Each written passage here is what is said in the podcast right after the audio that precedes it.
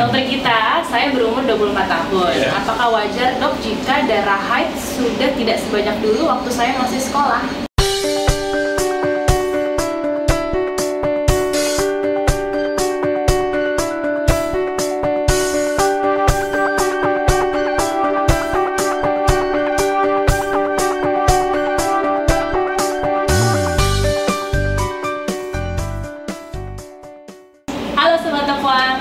Kembali di YouTube channel Dokter Awam.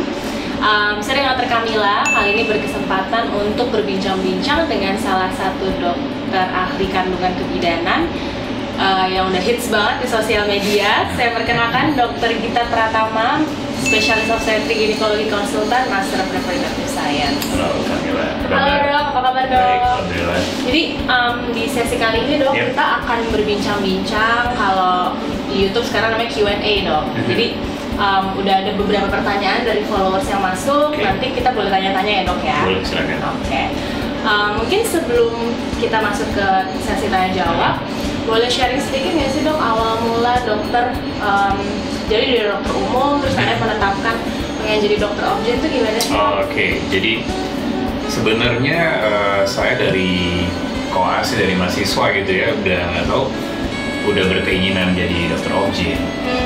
Mungkin eh, alasannya karena pertama eh, saya dapat pembimbing penelitian waktu itu memang kebetulan itu almarhum dokter Nemut ya. Jadi itu memang eh, dokter ahli atau konsultan fertilitas eh, dari gynekologi reproduksi sehingga dari penelitian itu kemudian saya banyak dibimbing oleh beliau jadi sangat tertarik dengan objin ya saya sangat melihat bahwa kemajuan teknologi di bidang obstetrik itu cukup baik ya apalagi di yang berhubungan dengan endokrin ya seperti misalnya teknologi bayi tabung sangat berkembang pesat jadi itu yang membuat saya tertarik Tertarik dari awal berarti dari ya? awal betul Oke berarti um, habis obs, objin, habis itu khusus lagi ke imunoendokrinologi dan fertilitas karena itu salah satunya Iya. ya. Oke baik. Um, kalau gitu kita boleh langsung tanya-tanya jawab Boleh, ya dok boleh, ya. iya. Ini jadi ada dua nih dok, satu terkait gangguan haid sama satu lagi infertilitas. Mungkin kita bahas gangguan haid dulu boleh? Boleh, Dok? boleh, Oke. silakan. Sebenarnya tuh haid yang normal seperti apa sih dok? Apa ada syarat-syaratnya Iya. atau gimana tuh dok?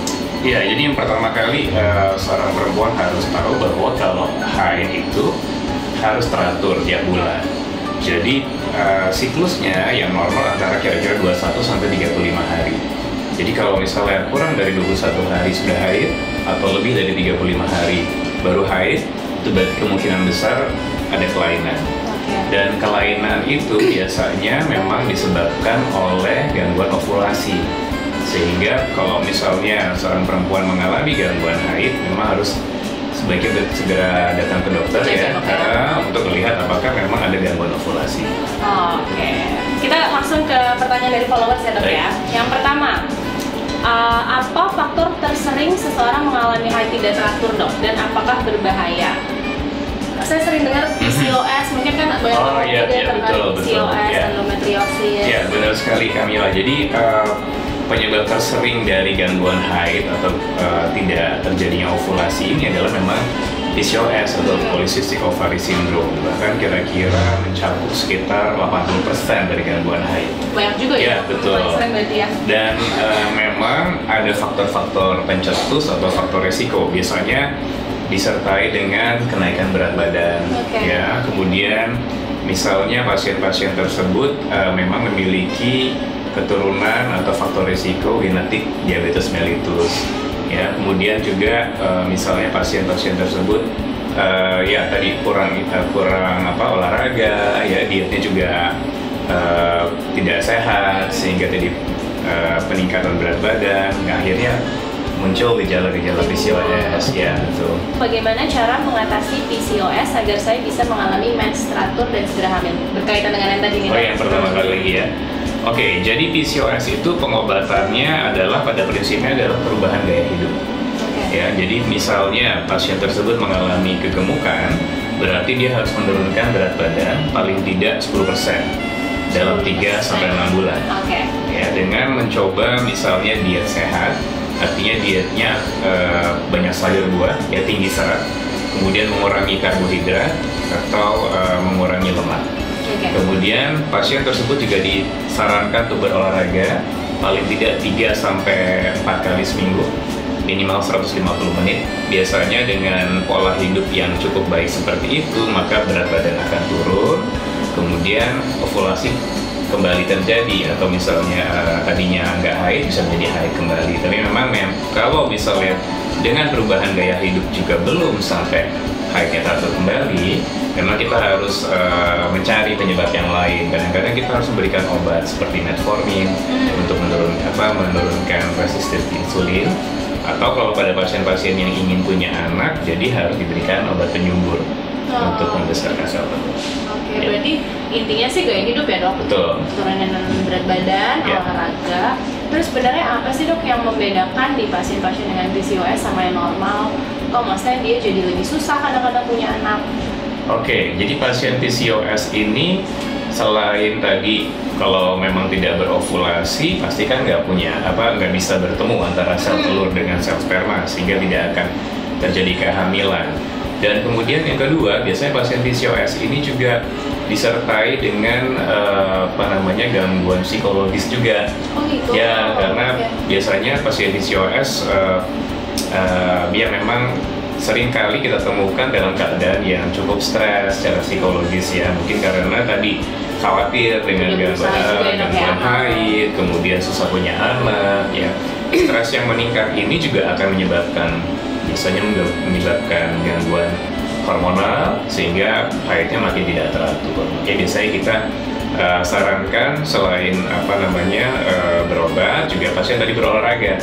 Kalau olahraga teratur akan menurunkan stress level Hmm. ya dengan meningkatkan hormon endorfin. Oh ya. Wah mantap penjelasannya Jelas banget, terima kasih dokter Kalau misalkan nyeri-nyeri haid tuh kan sering juga nih ada yang nanya Apa pertolongan pertama yang dapat dilakukan untuk mengatasi nyeri haid tuh? Soalnya kan ini Oke. sering banget apalagi di wanita usia-usia Baik. segitu Uh, kalau nyeri haid biasanya uh, pertama harus dibedakan nih. Sambil ada dua nyeri haid yang uh, sering. Yang pertama kalau memang nyeri haidnya ini timbul dari pertama kali dia mengalami haid. Misalnya usia 12 tahun gitu ya mengenai haid, kemudian dari awal sudah nyeri. Itu biasanya kita sebut dengan dismenorrhea primer. Itu biasanya memang karena faktor kontraksi rahim yang berlebihan Oke akibat peningkatan uh, prostaglandin ya sehingga kontraksi yang berlebihan atau kram yang berlebihan itu menjadikan menyebabkan nyeri yang uh, tidak nyaman pada saat haid.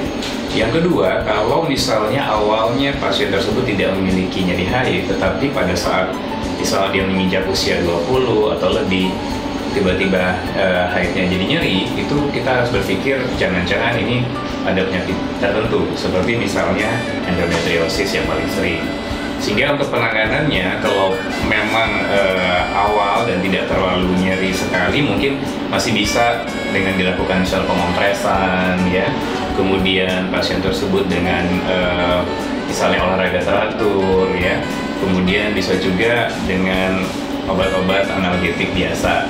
Tetapi kalau misalnya sudah nyerinya berlebihan, apalagi mengganggu aktivitas, sebaiknya segera periksa ke dokter karena mungkin ada faktor risiko ke arah endometriosis. Tuh. Tuh sobat dokter, berarti paling cepat, eh paling utama itu dikompres dulu ya Betul. Air hangat, air dingin nggak Air masalah panas sih biasanya ya, air, air hangat, air hangat biasanya akan merilekskan, eh, membuat rileks otot-otot rahim sehingga kemudian oksigenasi baik sehingga biasanya nyeri akan berkurang. Lebih enakan, oke Terus lanjut dok, Eh, mengapa haid menjadi tidak tepat waktu setelah menikah, Hmm. tetapi belum juga positif hamil?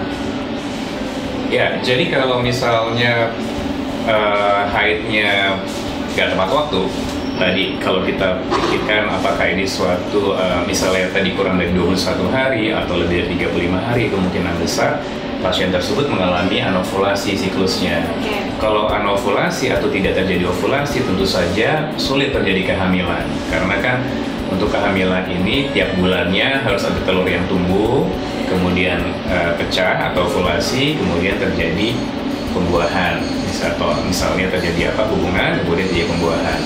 Tetapi kalau misalnya pasien tersebut haidnya tidak teratur, tentu saja akan sulit menjadi hamil. Makanya kalau misalnya memang seperti itu harus segera ke dokter untuk periksa apakah benar penyebabnya uh, tidak haidnya atau terlambat haidnya ini karena memang faktor tidak terjadi ovulasi. Ya. Dokter kita, saya berumur 24 tahun. Ya. Apakah wajar dok jika darah haid sudah tidak sebanyak dulu waktu saya masih sekolah? Oke, jadi darah haid itu uh, normalnya kira-kira keluar yang banyak itu sampai 2 sampai 3 hari.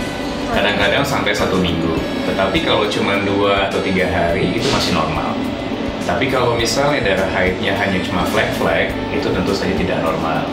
Atau misalnya malah berlebihan juga tidak normal. Biasanya uh, yang normal pada hari pertama, hari kedua itu 3 sampai 4 pembalut sehari ganti ya. Tapi kalau misalnya cuma sedikit sekali, misalnya cuma satu pembalut atau bahkan kurang, sebaiknya kita apa uh, pasien harus segera ke dokter ya untuk mencari penyebabnya. Biasanya kalau misalnya uh, menjadi banyak darah haidnya itu berhubungan dengan suatu penyakit misalnya neoma uteri. Oke. Ya, tapi kalau sedikit malah kita curiga apakah ini suat, ada suatu misalnya infeksi pada dinding rahim atau hal-hal yang lain menyebabkan dinding rahim menjadi tipis. Oke, berarti 2-3 hari pertama itu. 3 sampai 4 kali ganti pembalut ya dok? Iya, betul. Oke. Eh, lanjut dok, ini lumayan lagi ngehits nih dok belakangan Iya. ini. Menstrual cup. Jadi ada yang nanya, dok apakah menstrual cup lebih baik dari penggunaan pembalut biasa?